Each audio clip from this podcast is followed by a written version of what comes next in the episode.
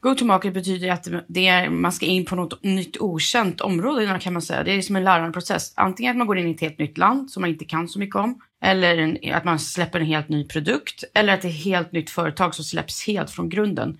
Och det skiljer sig väldigt mycket mot marknadsplaner för där har du ju liksom, det är en löpande process där man utgår från historisk data, man vet saker. Medan i go-to-market är ju det, du går in på något helt nytt. De, de skiljer sig åt.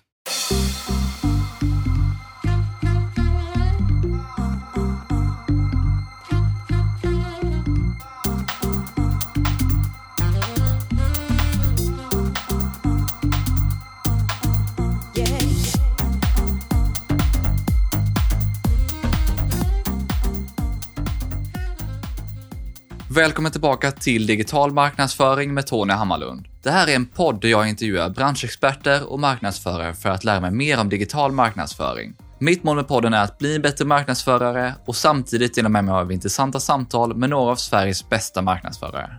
Hur vet man vilken strategi man ska välja för att lansera ett nytt företag, ny produkt eller på en helt ny marknad? När man inte vet vilken marknad, målgrupp, erbjudande, innehåll, taktiker eller kanaler som faktiskt fungerar. Då behöver man det som brukar kallas go-to-market-strategi och i det här avsnittet så djupdyker jag i det tillsammans med growth-hackern Eva Tael. Hon har varit involverad i en rad olika go-to-market-projekt och jobbar med allt från startups till globala företag. Och Eva är idag growth manager på byrån Genero. Vi inleder avsnittet med att Eva förklarar vad go-to-market är och vad som skiljer det från det vanliga marknadsarbetet och marknadsplanen. Hon går sedan igenom ett antal olika vanliga strategier för go-to-market och när de används. Eva berättar efter det hur hennes process ser ut när hon tar sig an ett go-to-market-projekt och vilka faser det består av, samt vilka kompetenser som måste vara med.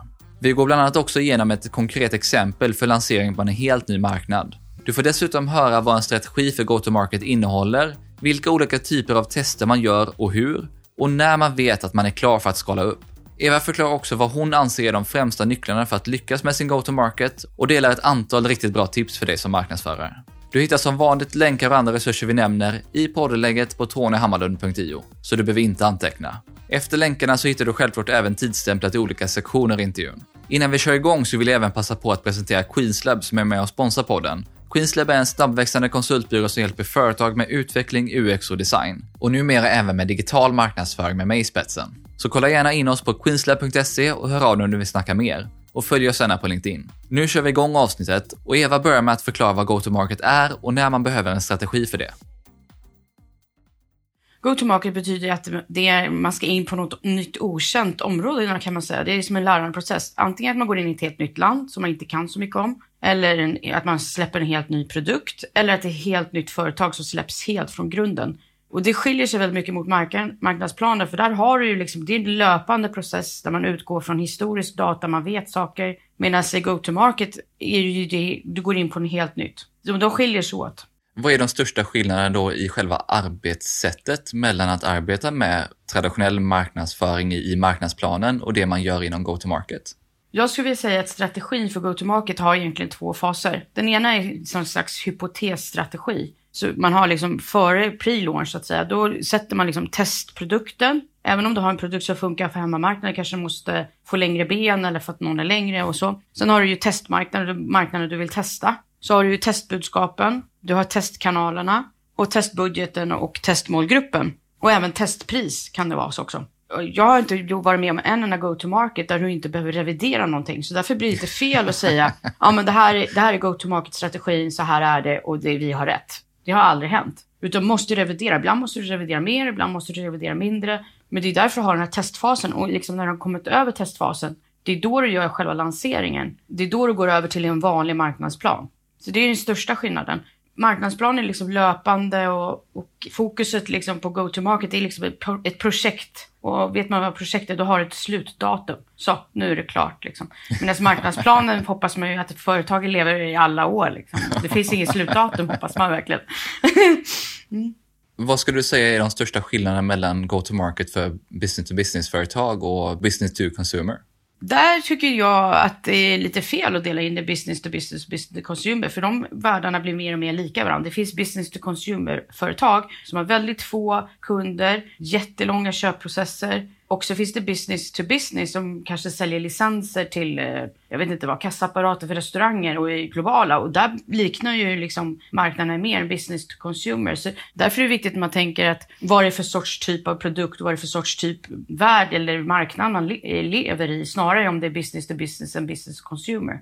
Självklart finns det olika regleringar om du säljer business to consumer när det gäller returrätter och sådana saker. Så det får man ju förhålla sig till. Men go to market eh, blir ju mer beroende av vad det är för sorts produkt och marknad du ska in på. Nej, men det är intressant för det är ju som du säger att det skiljer ju ofta mycket mer på vad det faktiskt är för produkt. Om det är en bil eller om det är en tröja man försöker sälja snarare än vilken slutkunden är. Ja, precis. Det är samma sak som i fastighetsbranschen. Vad finns det för vanliga fel eller misstag som du ser att många företag eller marknadsförare gör när de ska just lansera eller sätta upp sin go-to-market-strategi? Ja, där finns det två ytterligheter. Först finns det de här som analyserar och analyserar och de vill liksom få en färdig strategi. De vill inte testa någonting och de har väldigt svårt att ta nästa steg. Att nu börjar vi gå ut på marknaden och kommunicera. Utan de bygger och bygger och, och tar fram mer och mer data så blir det aldrig någonting. Eller så har vi de där som bara springer och gör massa saker. De får jättemycket saker gjorda men de tar inga lärdomar. Så vi, då kan, där finns ett klassiskt exempel med en kund som gjorde jättemycket saker och de tankade ut jättemycket pengar i fel kanal som inte konverterade. Men de såg aldrig det utan de bara fortsatte att testa nya saker istället för att ge pengar till den kanal som faktiskt fungerade. Så det gäller att hamna någonstans mitt emellan där? Ja, många, för, många företag behöver liksom, om man är enmansföretag så behöver man ju ofta den här motpolen. Så är man jätteanalytisk och bara analyserar och grottar in sig, då behöver man någon som piskar på och gör sakerna också, och tvärtom. mm. Vad finns det för huvudsakliga typer av strategier för just go-to-market?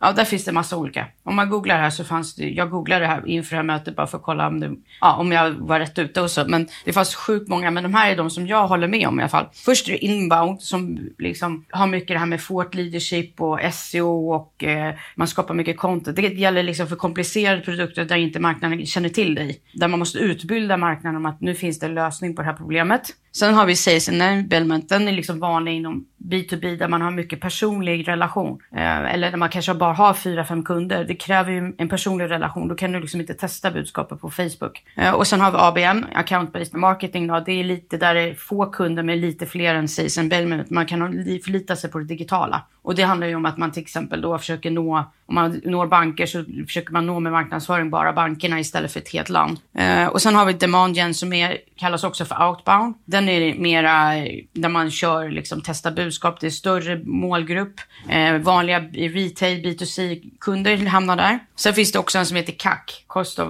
Acquisition Strategy, där man är väldigt noga med hur mycket det får kosta. Det svåra är här är att man inte får sätta samma CAC som man har på sin hemmamarknad. För då kommer man ingen vart.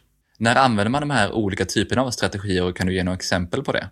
Inbound, då är det till exempel om man, har, eh, man kommer med en ny lösning för inom sjukvårdsmetodik eller någonting och in, det är helt nytt och sjukhuset vet ingenting om att man kanske kan lösa det här. Då måste man ju börja med att producera massa white papers och förklara okej okay, det här är problemet, här finns det lösningar. För du kan inte sälja på lösningen då. Och den är väldigt bra om man har, kommer in på en marknad som inte vet någonting. Ett case där var att vi hjälpte ett bolag som höll på med någon kalibreringsmätning för sjukvård. Jag är inte så teknisk, jag kan inte förklara vad produkten är.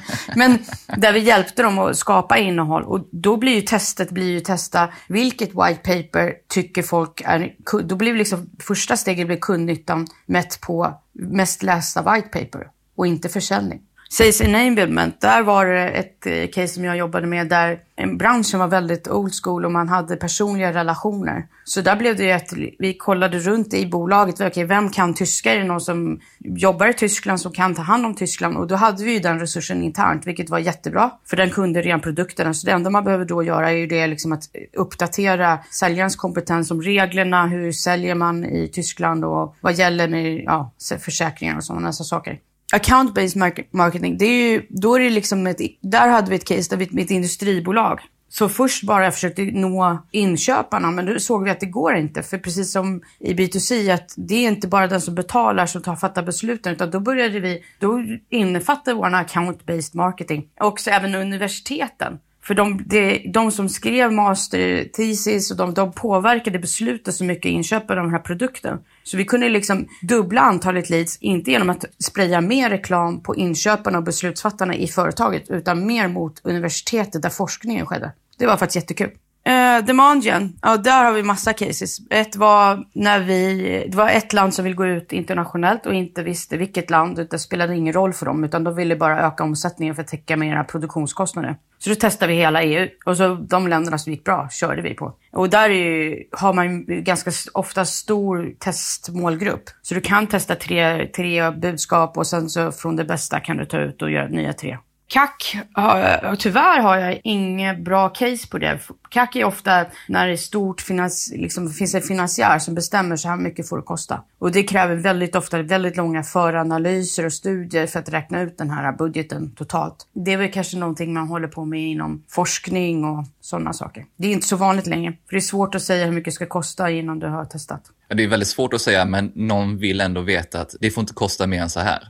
Ja, precis. Men det är därför, om man tänker go-to-market-strategin, måste nästan vara lite som man tänker en aktieportfolio. Du måste våga testa några tusen lappar och vara beredd att förlora det. För att om du inte vågar testa, då kommer du aldrig, då kommer du aldrig gå ut och göra någon lansering någon annanstans.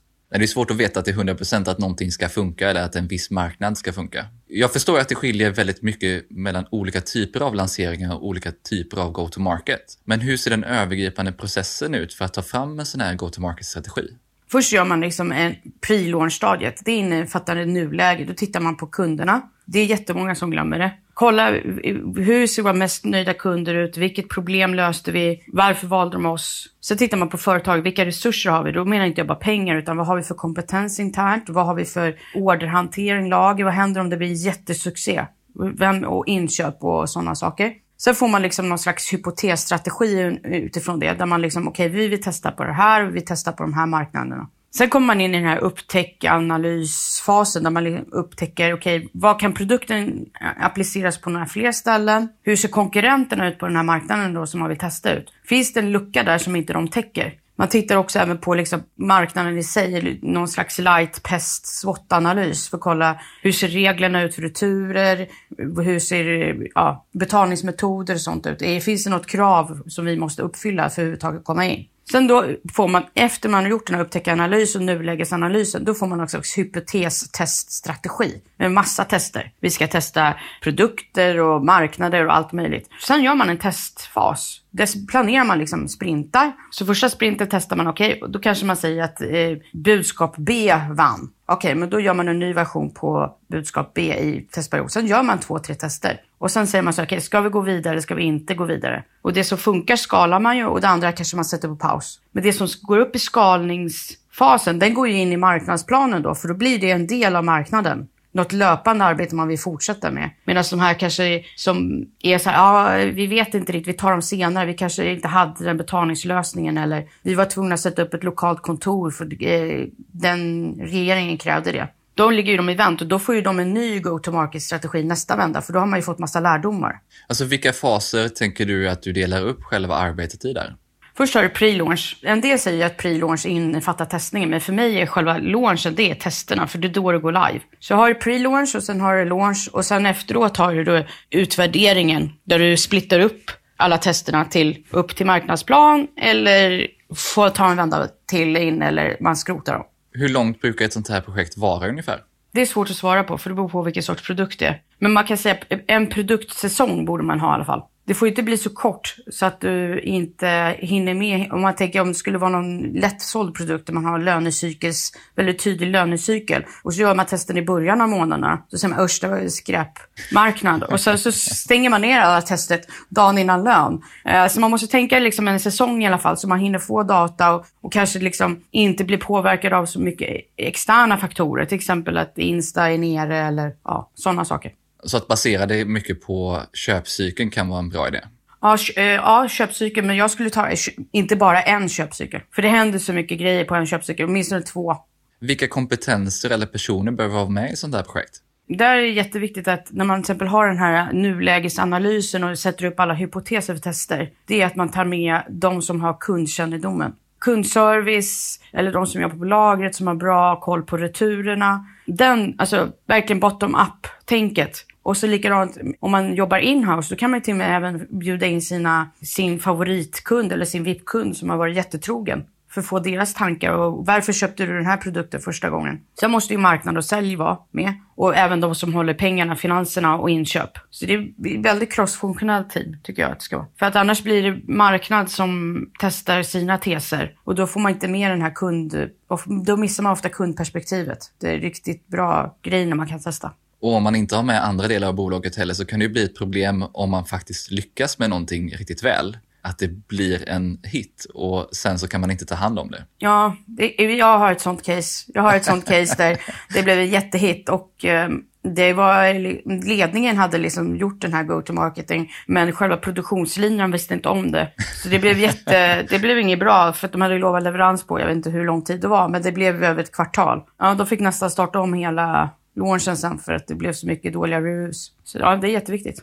När man ska lägga upp en go-to-market-strategi, tycker du att man ska göra det internt på bolaget eller är det bra att ta in någon extern som har expertis inom det här? Jag tycker ofta det är bra, när man gör sig saker som är helt nytt för företag, är det bra att ta in nya ögon. För då kanske man ser någonting som inte andra har sett. Man har gått i sina hjulspår, man kanske är ett lönsamt bolag och då finns det liksom ingen i bolag som ifrågasätter det man gör därför att det går så bra ändå. Så jag tycker man ska ta in någon externt oavsett om det, om det är någon expert på eh, juridik eller oavsett, man får ta den lucka man ser att man saknar för att göra någonting som är helt nytt.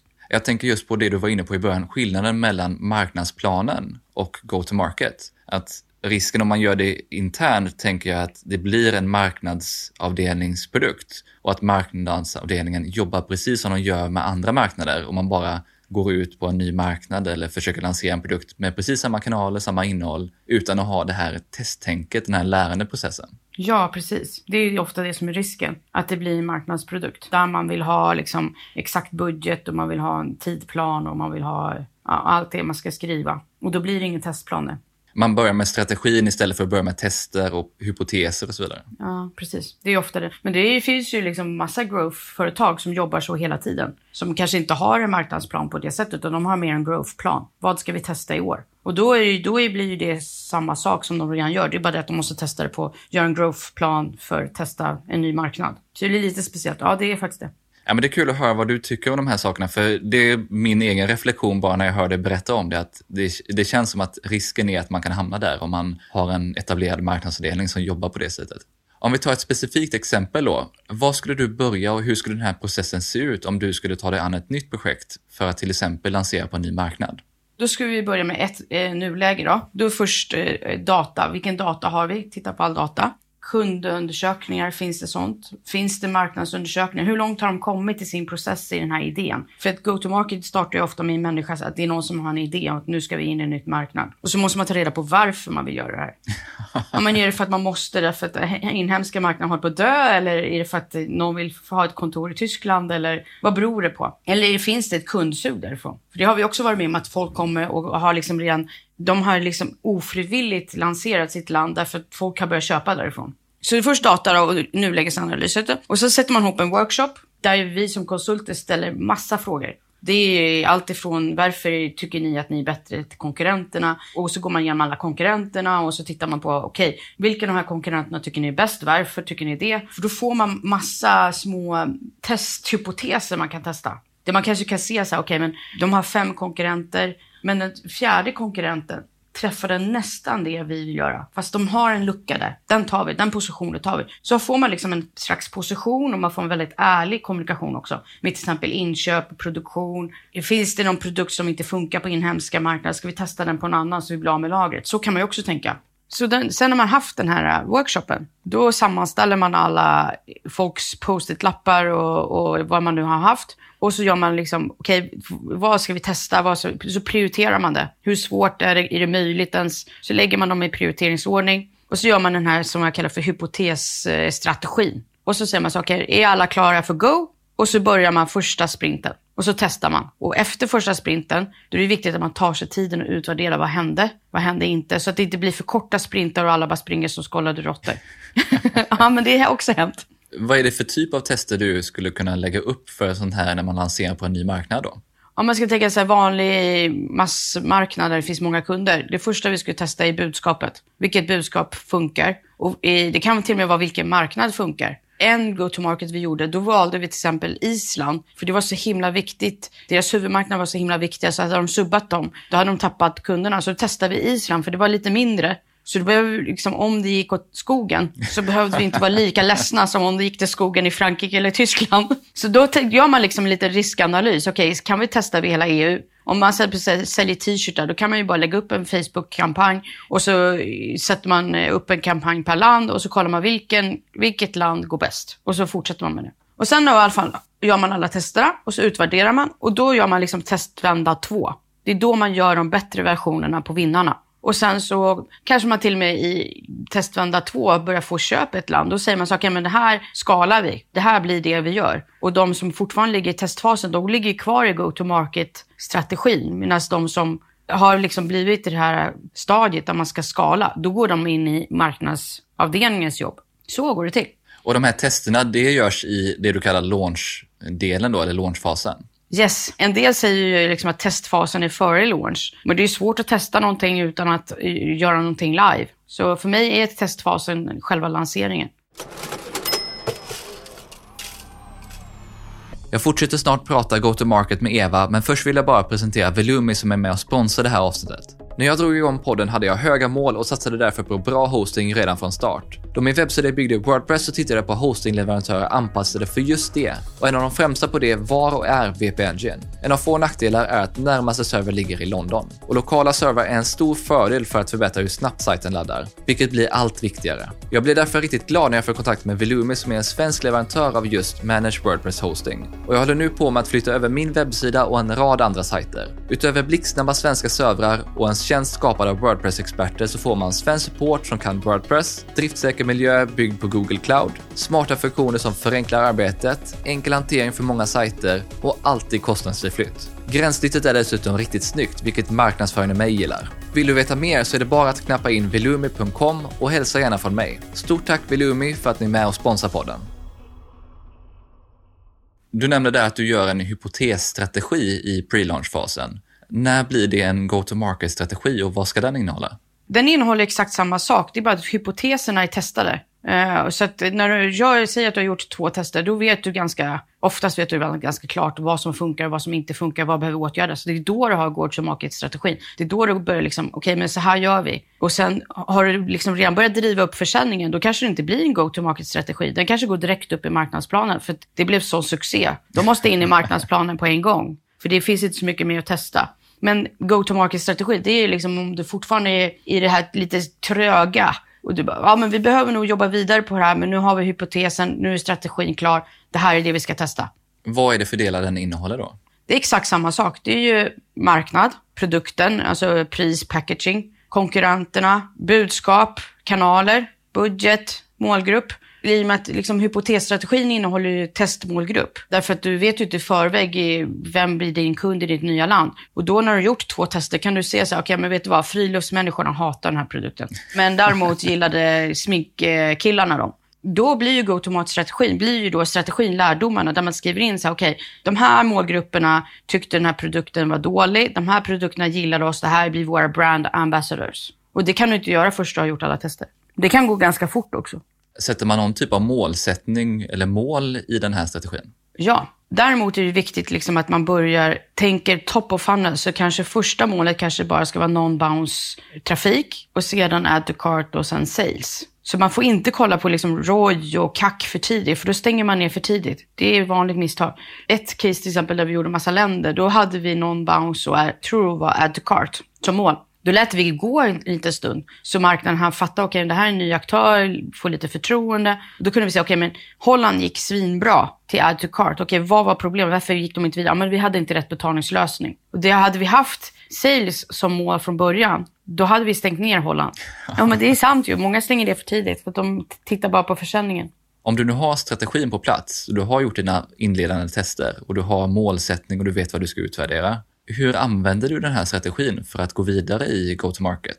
Den bestämmer ju kommande sprintar. Jag jobbar ofta i sprintar för att det ska bli bra även i löpande arbete för att det ska bli bra flöde och man vet vad som händer. Och sen så är det jätteviktigt att inte det blir ett papper som bara ligger någonstans. Vi säger nu att vi skulle eh, lansera, jag vet inte, nu har en penna bredvid mig. Vi ska lansera en ny sorts penna som inte kladdar på fingrarna. Då när man väl har sagt, okej, okay, men nu valde vi ut Holland till exempel. Då måste man kommunicera det i hela bolaget. Så alla vet, okej, okay, nu kör vi Holland, yay! Så det blir liksom, så inköp vet om det och produktion vet om Kundtjänst vet om, kundtjänst är preppade på att det kanske ringer in folk som inte kan engelska. Så man har liksom täckt upp allt det här. För det är då det blir liksom också ett gemensamt projekt där det blir roligt för hela företaget istället för att det blir en individs projekt. Så det blir jätteskillnad. Jag har varit med i go-to-market-strategi i ett globalt bolag. Då blir det nästan omöjligt, för då var det typ 40 000 personer.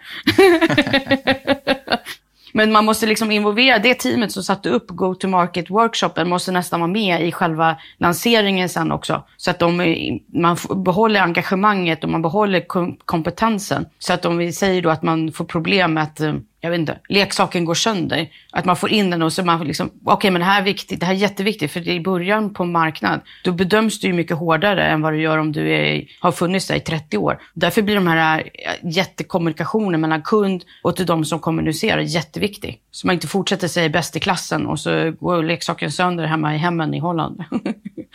ja, nej, det kommer ju stänga ner den här go-to-market-strategin ganska hastigt.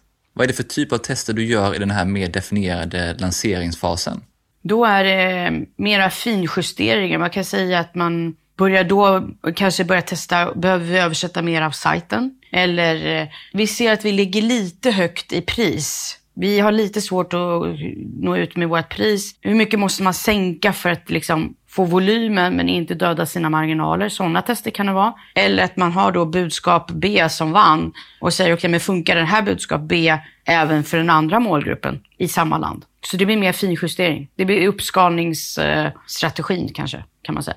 Bygger man upp hela köpresor och köpflöden eller funnels eller är det enskilda kampanjer man pratar om då? Hela köpflödet, det bygger man ju upp liksom i, i pre-launch-stadiet. För man ser hur går det till köpet till och så. Och sen när man gör testerna och man ser att man har då problem med, i köpflödet, då har man ju testat det. Och då skulle jag säga att när man har gjort go-to-market-strategin, man har gjort sina första tester. Det, det, kan ju vara så att du hittar helt nya problem. Oj, men alltså vi har en drop-off här på 89 procent i steg tre. Då blir ju det testet. Så att varje ny sprint och varje nytt test bygger ju på data och insikter. Och det, ing, liksom, det kan man inte säga så här, nu, nu ska ni testa produkt och nu ska ni testa köpflöde. Utan det blir jättekonstigt. Man måste ju testa liksom, det man ser där man har problem. Så man måste vara jättenoga och följa upp sina siffror. Eller varför säljer vi inte? Okej, okay, men då måste man gå igenom, backa hela, gå hela vägen bakifrån och kolla vad är problemet. Hur tänker man kring budskap och innehåll och vilka kanaler man väljer i en sån här strategi om man då ska lansera på en ny marknad? Då är det jätteviktigt att tänka så att din nya marknad, kommer inte ha samma designsmak. de kommer inte samma sätt att kommunicera som du har i, på din hemmamarknad. Och därför blir det jätteviktigt att man vågar testa. Och det inte blir liksom, här är vår varumärkesplattform, så här säger vi, så här heter vår CTA. Utan man måste få våga testa andra saker som man inte har gjort på hemmamarknaden. Där finns det ju liksom jättemånga klassiker att folk säger att det är ingen idé att annonsera på B2B på Facebook därför att vi, det är business to business. Folk gör inte business på Facebook. Men då blir motfrågan, men finns målgruppen där? För även business, business to business beslutarna finns ju på de kanalerna. Även fast man inte closar dealen där så finns det ju på de kanalerna där. Och där var vi med i ett case där vi faktiskt gjorde massa YouTube-videos. Hur man skulle använda den här äh, produkten, för det var en ganska komplicerad produkt. Men vi kommunicerade videon på Facebook och YouTube. Därför de, vår målgrupp fanns inte på LinkedIn. För du var liksom förare. De var inte där. Och därför var det så meningslöst att vi försökte prata på, på LinkedIn med vdarna. För det var inte de som gjorde inköp, utan det var de som använde produkten som gjorde det. Så där kanaler, testa fler kanaler än vad du hade tänkt dig. Det brukar bli bra. Ofta kan man bli överraskad. TikTok och det finns alla möjliga kanaler. Likadant när man ska kolla, göra kanske en snabb svepning. Finns det någon lokal kanal som inte vi ens använder i Sverige? Och hur tänker du med själva innehållet när du testar kanalerna? Man måste, om man ska testa innehållet ska man ju anpassa det till kanalens själ, så att säga. TikTok ska vara lite kul, det ska vara en knorr på slutet. Facebook gärna liksom, de videorna vi jobbar, om man tänker business to business, var det liksom instruktioner, tio tips och sådana saker. Det funkar även på LinkedIn. Visuellt material, eller också sådana listor, funkar ju till exempel på Pinterest. Så jag skulle vilja säga att budskapet är viktigt, men du måste ju anpassa det till kanalens själ, för annars sticker du ut för mycket. Och sen antar jag att man just, du var inne på det, att man har någon typ av köpresa men att man också har någon typ av funnel för att driva de besökare man hoppas få till kunder att faktiskt bli det. Ja, precis. Du har ju, precis som du har med målen, har du ju första målet, okej, okay, nu ska vi försöka få non-bounce-trafik. Sen nästa mål, add to cart och sen sales. Det blir ju exakt samma funnel i kommunikationen där du först väcker, om vi tar business to business-caset då, att man utbildar och gör massa white papers och får liksom fort leadership. Nästa steg är liksom att de kanske signar upp på webbinar eller en kontaktformulär och så blir det som vanlig lead Och den, den, den anpassas även på budskapet. Du kan ju inte börja med att säga köp vår svindyra kalibreringsmaskin för en halv miljon och sen så senare i fannen börja berätta vad den gör. Utan man måste börja i rätt ände liksom. Och bygger du ut allting samtidigt eller börjar du från något håll? Det här blir ju så ett tråkigt svar, för det beror lite på. Men om man säger att man har, man har, redan, man har redan en produkt som man tror att man kommer ganska snabbt få konverteringar på. Det finns liksom en, en sökvolym på det. Då är Google Ads en guldgruva, för då får du in lite köp i början. Du lär dig jättemycket om kunderna. Du lär dig jättemycket om kunderna. Vad ställer de för frågor? Så då är det en guldgruva som du absolut inte får ta. Men vi säger nu att det här är en helt ny produkt. Så det finns ingen sökvolym. Då måste du ju börja uppifrån. Då måste du börja med att berätta, och nu finns det en produkt som parar strumporna automatiskt åt alla mammor eller papper.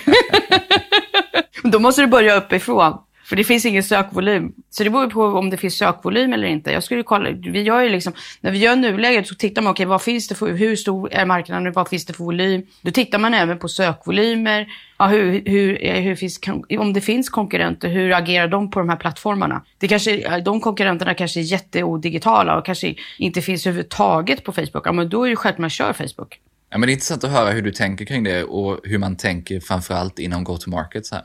Så att liksom när vi gör konkurrentanalysen, då tittar vi inte bara på vad de har för produkt, utan tittar på, finns det en kanal som de har glömt? Eller, så att den här glappet man hittar, den är ju inte bara på produktnivå, utan det är även kommunikationsnivån man tittar på. När är man klar med sin go-to-market? När vet man att man är det och när går det vidare till att skala det och att gå in i marknadsplanen? Jag skulle vilja säga när man börjar driva försäljning och det börjar liksom bli mer som ett löpande arbete, då tycker jag den ska upp i marknadsplanen. Sen är det ju svårt, för en del företag har ju liksom de går upp i försäljning väldigt snabbt. Men det är fortfarande så, processerna har inte satt sig internt och det är fortfarande så här, vem, vem tar hand om lagret i det nya landet och så där. Då är det ju fortfarande go-to-market för då är du liksom inte lanserad och klar. Du kan liksom inte lyftas upp i marknadsplanen om du inte vet var lagret ska ligga. Eh, bara för att kommunikationen och försäljningen funkar så betyder inte det att allt annat i flödet är klart. Nej, precis. Men jag skulle säga när de interna processerna är klara och du har försäljningen uppe så att du kan lyftas in i marknadsplanen utan att marknadsplanen behöver justeras. Då tycker jag det ska vara en marknadsplan. Ja, men det är en bra punkt att veta att det är då man, man behöver titta på både och där. Vad skulle du då säga är nycklarna för att skapa en riktigt framgångsrik go-to-market-strategi och lyckas med sin lansering? Först, kunden är det viktigaste. Ta hand om reviews. Och dina första kunder, då ska du verkligen bli så nöjda så de kan bli dina ambassadörer. Våga testa. Vi har ju pratat lite om det här med budskap och så. Så våga testa, våga testa kanaler, våga testa budskap. Våga testa en annan målgrupp än vad du hade tänkt dig. Och så våga släpp taget. Om det är ditt favoritland som du så gärna vill gå in i och det bara äter pengar och det blir ingenting. Släpp taget, våga släpp taget och liksom ge pengarna till det landet som faktiskt skalar upp. Och så kanske du kan göra ett nytt försök senare. Marknaden kanske inte var mogen. Då kanske du ville para strumpor automatiskt. Jag vet inte. Men det är så mycket yttre omständigheter också. Och så glöm att inte att skala det som funkar. För det är många som missar det. Utan man ger samma budget nästa, när man gör, har gjort sin hypotesstrategi, man har fördelat lite budgetar mellan olika länder. Då, när de gör sin go-to-market-strategi eller lansering, då får de samma budget. Fast de har helt olika resultat. Och det, glöm inte skala det som funkar. Ja, men det är jättebra insikter att ta med sig. Och framförallt det här som du också är inne på, att våga släppa taget om en marknad eller en produkt eller vad det kan vara. För det är ju som du sa i början, go-to-market är ju för när man inte vet någonting. Om man redan tror sig veta att Tyskland är rätt marknad att gå in på, då är det ju snarare en marknadsaktivitet än go-to-market då. Ja, precis. Där finns det ju jätte, ett jättebra case med några som de hade lagt ner så mycket pengar på sin produktutveckling och anpassade den för en marknad. Så de, det blev, istället för att förlora eh, en, några miljoner så förlorade de liksom nästan en halv miljard innan de släppte det okay. Och då hade de liksom kunnat släppa den marknaden tidigare, eller förlora lite pengar. Och så hade de kunnat jobba på de marknader som faktiskt gick plus istället. Eh, ett annat råd som jag också tänkt på, det är att de som lyckas snabbast, om man inte har jättestor kännedom om marknaden, det är de som går ut lite bredare först. Och inte siktar in sig på en speciell marknad, utan man går lite bredare först och sen smalnar man av. Det är de som brukar gå fortast. Så man inte bestämmer sig för att Tyskland ska funka? Precis. Eller Israel eller ja, vad man nu tycker man vill ha sitt sommarhus. Har du några tips till mig och andra marknadsförare för hur vi ska tänka när vi tar oss an en go-to-market-strategi? När ni sätter upp workshopen, se till att alla röster kommer till tals. För det är inte alltid den som pratar mest i rummet som har riktigt bra insikter att testa. Så se till att ni verkligen får med crossfunktionellt team. Och det behöver man ibland trycka på hårdare för, för att få igenom. Så det är mitt bästa tips. Ja, för det kan ju komma väldigt bra idéer från inköp eller från produktutveckling eller sälj. Allt behöver inte komma från marknad. Ja, jag har faktiskt en go-to-market-strategi som blev en go-to-market-strategi i inhemska landet. Därför att de fick jättemycket returer och sen så började någon på lagret använda returerna till en helt annan syfte. Och då kunde vi börja sälja det istället. Så det var jättebra. Hade inte han varit med så hade, vi inte, hade de fortfarande kämpat med sina returer. Finns det några resurser eller verktyg eller någonting du skulle tipsa om när det gäller att både lära sig mer om go-to-market men också att analysera marknader och så vidare? Eh, om man tänker på liksom lära sig mer om marknaderna, då, det finns ju inte så mycket go-to-market tidningar och magasiner och sådana där grejer. Men det finns en podd som heter Go-to-market där de tar upp cases och lite sådär. Sen skulle jag göra så att jag skulle gå in på typ HubSpot. De har jättemycket cases för B2B där man kan läsa på. Du kan få idéer. Även fast du inte kan applicera allting så får man massa idéer. Och, och gjorde de så, kanske vi ska testa. Och sen även finns det ju, vad heter de, M-gruppen och sådär som också läser, släpper massa cases. Vi på Genero släpper ju också massa cases. Även om man inte liksom revealar varenda liten hemlighet så kan man ju, ja, man kan ju, om man är marknadsförare kan man utläsa, okej, okay, ja, de gjorde så. Vad var det mer? Ja, just det, verktygen. Ja, där finns det de här vanliga Google Trends, Market Finder, Googles Market Finder tycker jag är rätt kul. Den visade du innan och det är någonting som jag inte alls sett tidigare faktiskt. Google Trends har jag använt en hel del och insiktsdelarna i Merchant Center och så vidare. Men eh, Market Finder har jag faktiskt inte kollat in. Ja, den är faktiskt jättekul. Då matar man in sin URL och sen så ger den förslag på produktkategorier som man säljer. Och det är ju jättebra SEO-test kan man nästan säga också. För att om du säljer då barnkläder eller gummistövlar så kommer kategorin upp med något helt annat. Det, för det är vad Google förstår att din e-handel handlar om. Men då kan man lägga in också kategorier manuellt och då är det viktigt att man inte lägger in för generiskt för då blir det alltid USA-marknaden. Ja, men den är störst liksom. Och sen så får man också scores på hur svårt det är att gå in i det här landet med regler och grejer och vad det är för competition och allting. Så den är ganska kul om man liksom vill, inte vill testa hela Europa utan man kan säga okej, okay, men vad tycker Google jag ska göra? Då kan man ta in det i sin hypotes. Och sen är det GA, CRM, ja, det vanliga. Ja, men det är riktigt bra tips där och jag gillar verkligen det här Market Finder. Jag tyckte det var ett riktigt intressant verktyg. Vad kul. Ja. Stort tack för idag. Det var riktigt kul att ha med dig och prata om go-to-market. För det här är någonting som jag är riktigt intresserad av och någonting som jag inte alls har jobbat med tidigare. Ja, vad kul. Ja, men hoppas att få köra ett case då. Tack så mycket för idag, Eva. Tack. Tack själv. Det var jättekul. Att veta hur man ska gå tillväga som marknadsförare när man inte vet vad som fungerar för en ny marknad eller en ny produkt är extremt värdefullt. Så det var väldigt intressant att höra hur Eva tänker kring strategi och process för go-to-market och lansering.